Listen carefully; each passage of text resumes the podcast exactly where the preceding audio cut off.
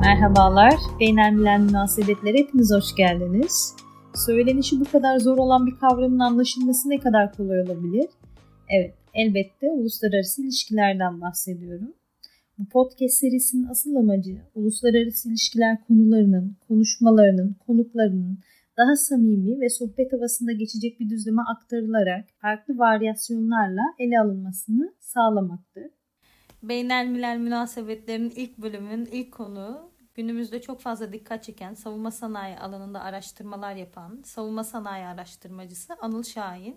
Merhabalar Anıl Bey, hoş geldiniz. Merhabalar, hoş bulduk. İyi yayınlar dilerim. Çok teşekkür ederim. İlk bölümde sizi konuk almamın bir nedeni özellikle uluslararası ilişkiler alanına çok yakın olmamasına rağmen pek çok uluslararası ilişkilercinin dahil olmak istediği ancak bir türlü e, fiziki ve teknik yapısı nedeniyle dahil olamadığı bir konu savunma sanayi.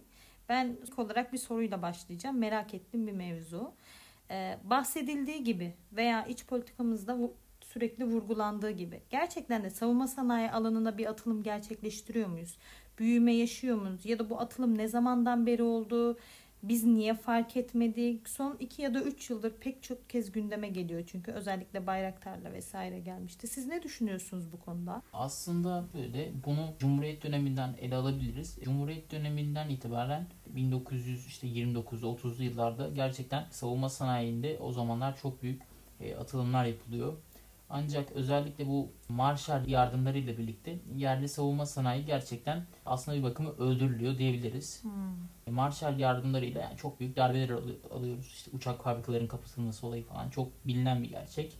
Aslında işte Marshall yardımlarının ardından e, yani Türk ordusu tamamen Amerikan bağımlısı bir ordu durumuna düşüyor. Savunma sanayi için söylüyorum bunu. Bu şey örnekleri de buna dahil değil mi? Mesela işte Amerika'dan tank geliyor. Kullanılmış ve eski bir tank. Ancak tankın yedek parçası yani tank kullanılıyor eyvallah.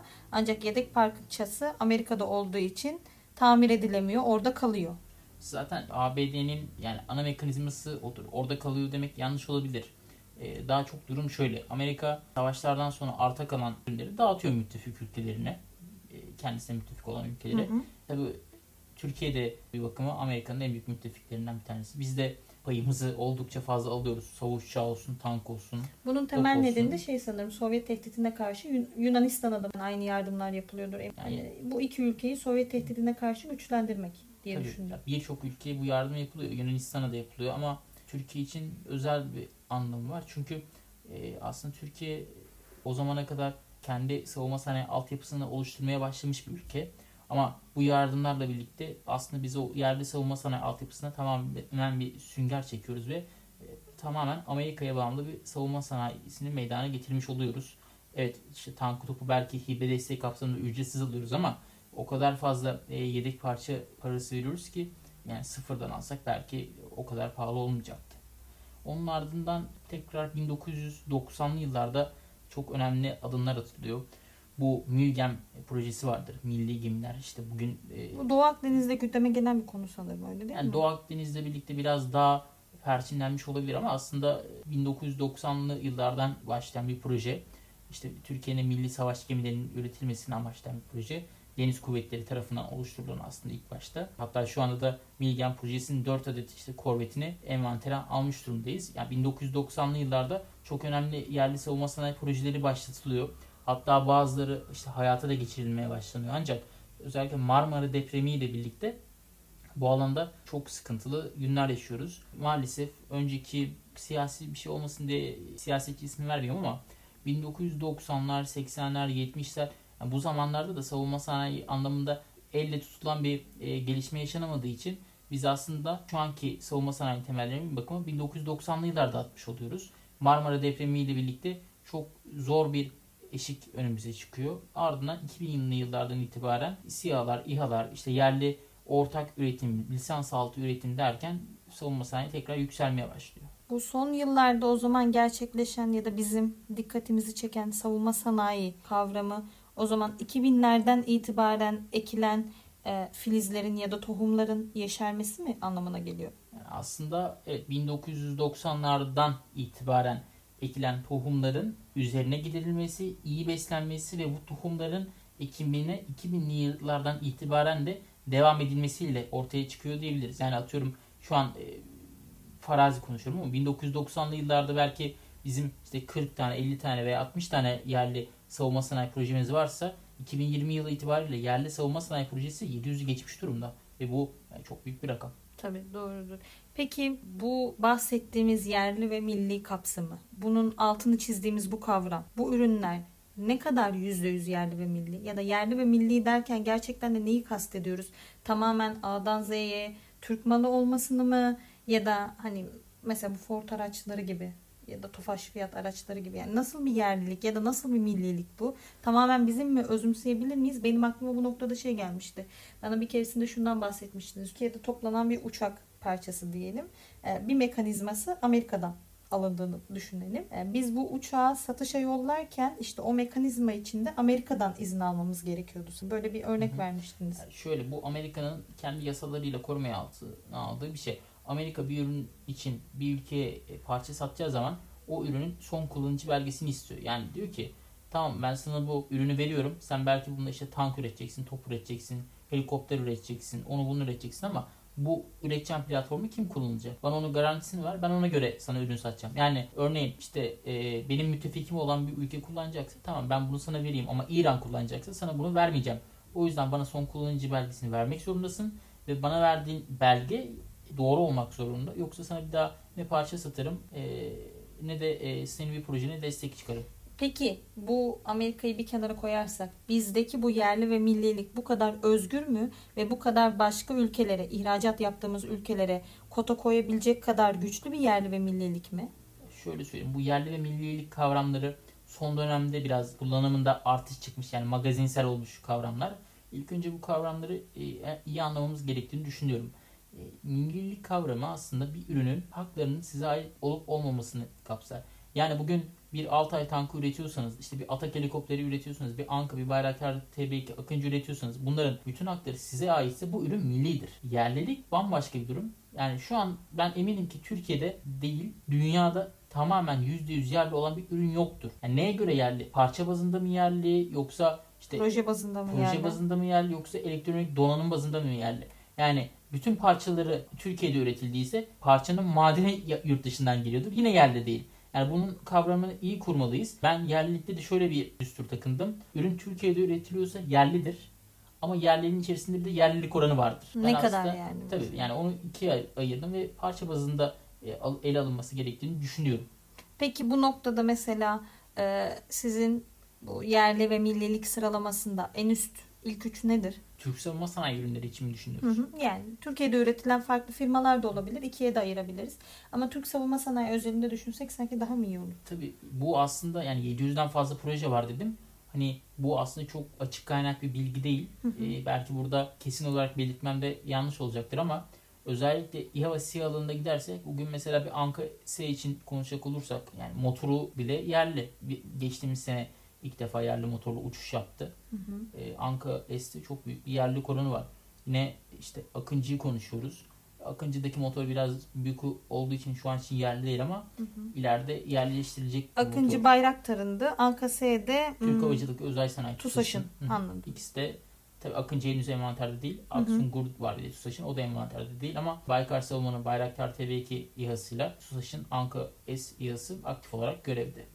Anlıyorum. Bunlar yerlilik ve millilik oranında zirvedeki Evet. Ürünler. Yani e, buradaki artışa da şöyle örnek verebilirim. Biz İtalya ile mesela T-129 Atak helikopterlerinin ortak geliştirilmesini e, gerçekleştirdik. Onlar A-129 Mangusta diye bir helikopter geliştirmişlerdi. Hı hı. Biz onlarla bir işbirliği yaptık. A129 üzerinden T129'u ortaya çıkarttık ve gerçekten çok kabiliyetli bir ürün oldu. Aviyonikleri tamamen Aselsan üretimi oldu. Helikopter TUSAŞ tesislerinde Peki üretildi. imtiyazı kimde bu ürünün? Ürün milli bir ürün yani bütün hakları bize ait bir ürün. Hı hı. Ama işte bazı kritik sistemlerini İtalya'dan alıyoruz biz. E, motor, transmisyon, makinalı top sistemi, iniş takımları gibi. Ve bu tedarik zincirinde e, son zamanlarda bazı sıkıntılar da çıktı. Özellikle koronavirüsle birlikte. Tabii. Biz bundan 56 adet ürettik. Aynı zamanda şu anda da üretimi devam ediyor. Pakistan'a bir 30 adetlik ihracatını gerçekleştirdik. Filipinlere de belli miktarda satış için önemli adımlar atıldı. Geniş bir yelpaze var. Evet. Ancak mesela Pakistan için e, evet biz motoru İtalya'dan alıyoruz ama İtalya'dan aldığımız motor da aslında ABD üretimi Hı hı. bir motor. Yani bir yıla aşkın bir süredir Amerika hala Pakistan'a satılacak Atak helikopterlerinin motorları ile ilgili kesin hükmünü vermedi. Bu az önce bahsettiğimiz son Evet. kullanıcı. Filipinler'de de şöyle bir durum var. Yine Filipinlere de motor konusunda kesin kanaatini belirtmiyor ama aynı zamanda Filipinlere de kendi taarruz helikopterlerini satmak için teklifte bulunuyor. Burası dikkatimi çekti. Yani uluslararası ilişkiler alanından Filipinler Güney Çin Denizi meselesinin taraflarından biri. Ek olarak buraya anekdot ekleyeyim. E, ABD bu konuda Çin'e karşı Filipinleri gayet destekliyor. Bu noktada Türkiye'nin oraya e, savunma sanayi yatırım yapması normalde ABD'nin işine gelir.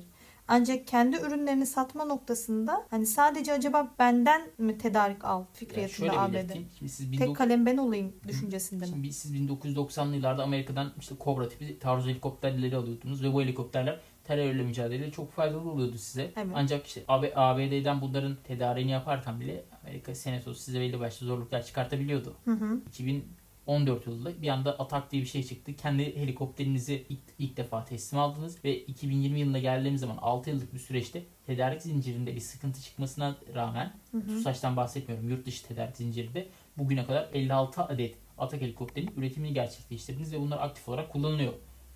Bu bir tarafı. Yani bu Amerika'nın sizin ülkenize olan pazarını etkiliyor. Ek olaraktan siz Amerika'nın küresel pazarını da etkiliyorsunuz. Doğal olarak böyle bir e, adımlar oluyor ama bunun için biz kendi çözümlerimizi de uyguluyoruz. Mesela T-629 diye bir tarz helikopteri tanıtıldı kısa süre önce. T-629 Atak'la neredeyse dış görünüş olarak benzer olacak. Bir ton daha ağır olacak. Ama ek olaraktan bizim motorumuzu, bizim transmisyonumuzu, bizim iniş takımımızı, bizim makine topumuzu kullanacak. Yani evet siz bize motor vermiyorsunuz ama motor vermemeniz nihai bir çözüm değil. Biz kendimiz kritik sistemlerimizde geliştiriyoruz mesajı veriyoruz. Bu noktada dikkatimi çeken bir diğer unsur da az önce bahsettiğimiz gibi Pakistan, Filipinler ya da İtalya ile mesela işte bu savunma sanayi ürünü noktasında ittifak yapmış olmamız ya da işbirliği yapmış olmamız daha doğrusu. Bunları e, bir soft power ya da bir kamu diplomasisi unsuru olarak düşünebilir miyiz?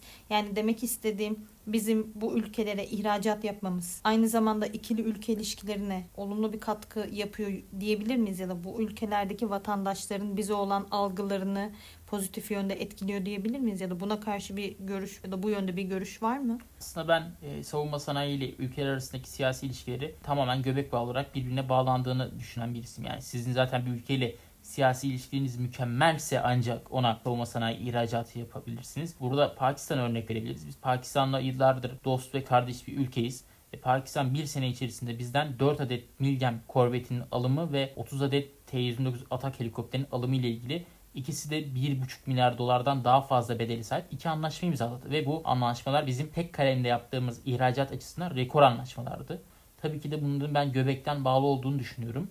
Evet Atak helikopteri ihracatı şu an için ABD'nin motoruna biraz takılmış gibi gözükebilir ama gelecek yıldan itibaren T-629'u da biz göklerde görebiliriz. Öyle de bir etken var. Kısaca bunlar göbekten bağlı. Şimdi aklıma şu geldi. Pakistan tamam hani Kurtuluş Savaşı'ndan itibaren bir belli bir bağlılığımız var. Keza Azerbaycan da öyle sanırım. Savunma sanayi alanında Azerbaycan? Şöyle Azerbaycan aslında bizi biraz şaşırtan bir ülke oldu. Azerbaycan'ın Ermenistan'dan dolayı bazı siyasi ilişkileri var. Bizden Azerbaycan e, sürekli silah tedariğinde bulundu. İşte füze tedariğinde de bulundu. TRG-300 Kaptan füzelerini. Onun öncesinde zırhlı araç tedariğinde de bulunmuştu. Ancak özellikle insansız hava araçları konusunda Azerbaycan bizi biraz şaşırttı. Çünkü İsrail'den alımlar yapıyor. Aynı zamanda son dönemlerde de zırhlı araç konusunda gerçekten İsrail'den yüklü alımlar yaptı ki biz şu an Türkiye olarak zırhlı araç pazarında birinci yürüyen bir ülkeyiz. Özellikle işte Ejder Yalçın, Kirpi ve Otokar gibi firm, e, firmalarımızın ürünlerinin e, ihraç etmediğimiz ülke sayısı neredeyse yok. Otokar'ın işte Kobra'sı var bir sürü ülkede. Nurol Makina'nın Ejder Yalçın aracı var. BMC'nin Kirpi vuran aracı var. Çok fazla coğrafyada çok fazla ülke tarafından kullanılıyor. Burada tabi Azerbaycan'ın tutumu biraz şaşırttı ancak o da zannediyorum ki İsrail'i Ermenistan'a yakın tutmak için, kendine yakın tutmak için böyle hamlelerde bulunuyor. Peki bu noktada e, bize bakarsak yani yakın zamanda bir S-400, F-35 e, pergelinde kalmıştık. Bu noktadaki sizin fikriniz nedir? Yani ya da gerçekten de hani ikisi de ayrı sistemler çünkü. Ancak bizim ABD ve Rusya arasında kalma gibi bir durumumuz var mı? Gelecekte ne öngörüyorsunuz? Ya da bizim F-35'lere ihtiyacımız var mı? S-400 gibi bir sistemden vazgeçme durumumuz var mı? Tabii savunma sanayinde şu bir kuraldır. Her zaman en iyi sistem senin kendi sistemindir. F-35'e bakıyoruz. 1990'lı yıllardan itibaren zaten hava kuvvetleri işte müşterek taarruz uçağı programın yani F-35'in programın içerisinde olan bir kuvvet. Türkiye ana partner ülkelerden bir tanesi. Türk savunma sanayi, sanayi şirketlerinin F-35 programında ürettiği çok önemli parçalar var. Önemli çünkü Türk Hava Kuvvetleri'nin bel kemiğini oluşturacak uçaklardan bir tanesi di diyebiliriz. Çünkü F-4 savaş uçaklarını yerine alacaktı F-35'ler ama kısa süre önce ABD Kongresi bir kararı onayladı. F-35'lerin zaten Türkiye teslimatı durdurulmuştu. Projeden ee, de sanırım çıkartılmış mıydı evet, pilotlar? Tabii çıkartılmış. Türkiye'ye geri dönmüştü pilotlarımız da. Türkiye için üretilen ilk 6 adet F-35 uçağının ABD Hava Kuvvetleri'ne nakledilmesini onaylayan senato kararı da geçtiğimiz haftalarda e, piyasaya çıktı, duyuruldu.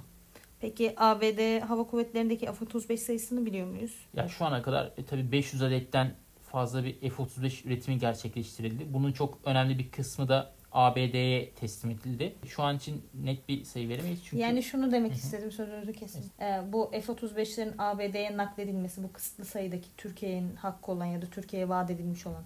Acaba Türkiye'ye bir blöf olabilir mi? Biz genelde uluslararası ilişkilerde Batı ve ABD ile çok fazla blöf yapabiliyoruz. Yani Rusya tarafına ya da Doğu bloğuna ülkelerine bu kadar bu kartı oynayamıyoruz ama e, yıllardan beri ABD'li ya da Batı'yla oynadığımız bu blöf kartı yine tekrardan masaya çıkmış olabilir mi? Ya ben tabii e, uluslararası ilişkileri sizin kadar iyi bilmeme imkan yok ama benim gözlemlediğim nokta şu.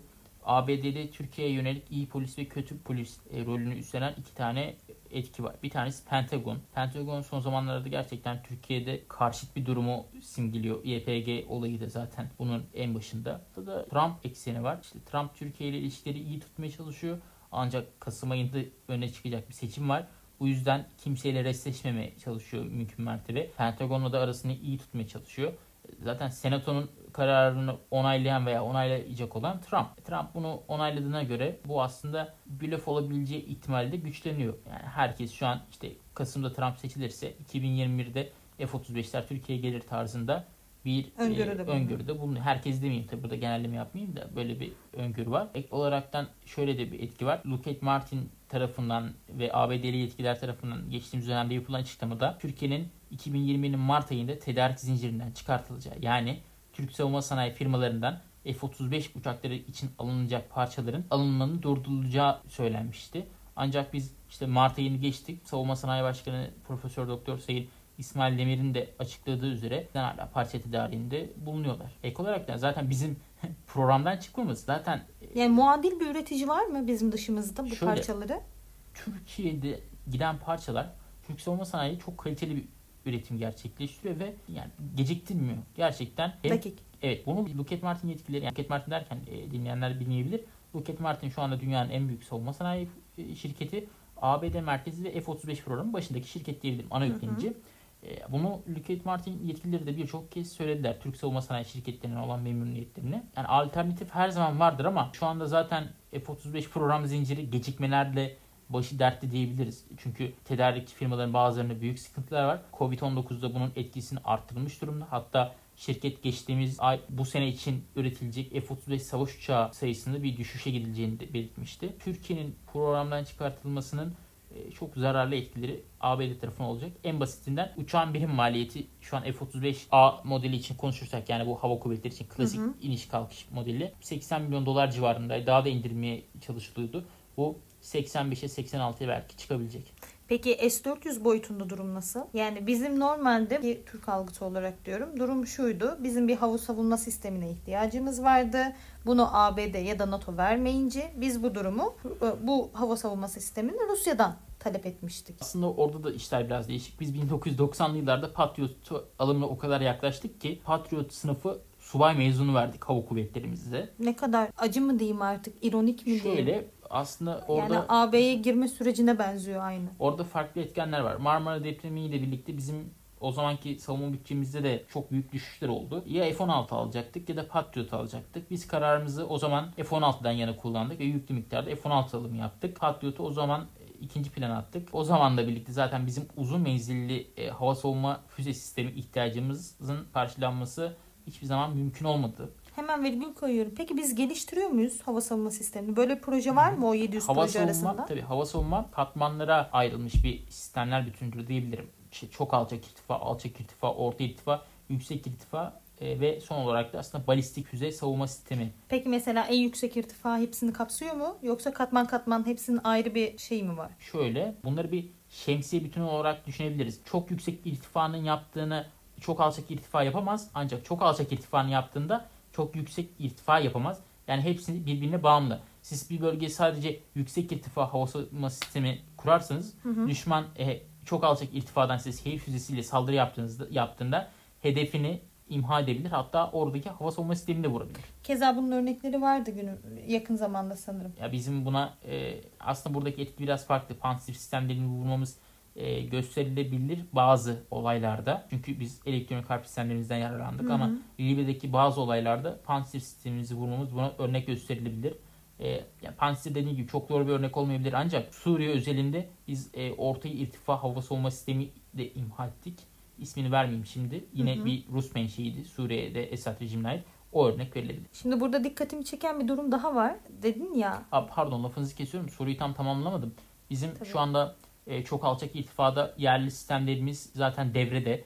E, Aselsan tarafından üretilen KD Monteli Stinger sistemlerimiz çok uzun süredir Hı hı. hava kuvvetleri ve diğer kuvvetler tarafından kullanılıyor. Bir hava savunma füze değil de hava savunma top sistemi olan Korkut sistemimiz kısa süre önce envantere girdi. Teslimatları devam ediyor. Alçak irtifada Hisar A hemen hemen birkaç hafta önce devreye girdi. evet bunları savunma sanayi kitapçığı vardı. Orada da Evet, incelemiştim. Savunma ben. Sanayi Başkanımız da bunu açıklamıştı.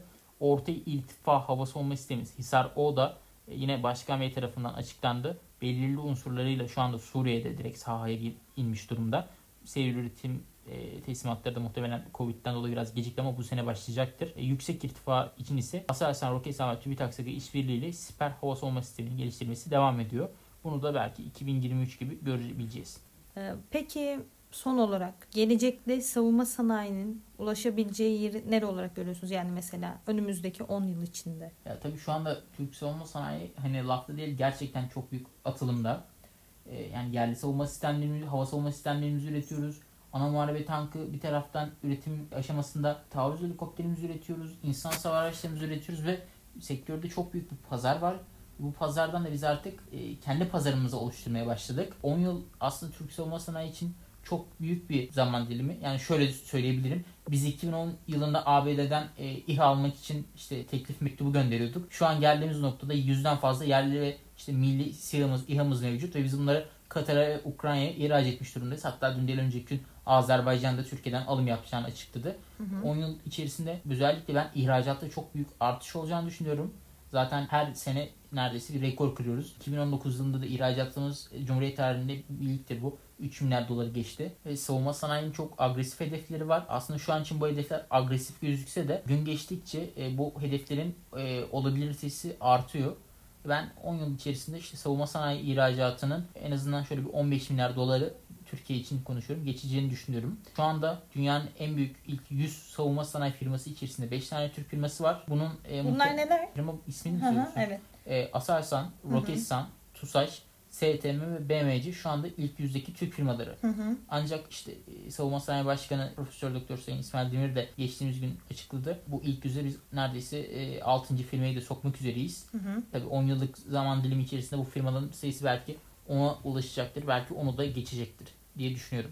Anladım. Çok teşekkür ediyorum bugün katıldığınız için. Bu benim için önemli bir podcast'ti. ilk podcast'im. Ben teşekkür ederim. E, ilk podcast'in ilk konu olmakta bir ayrıcalık galiba. Çok teşekkür ediyorum.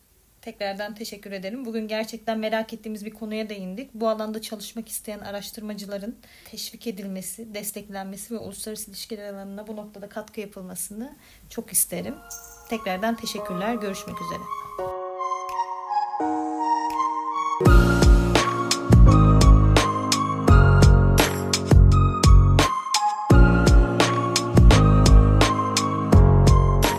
Merhabalar.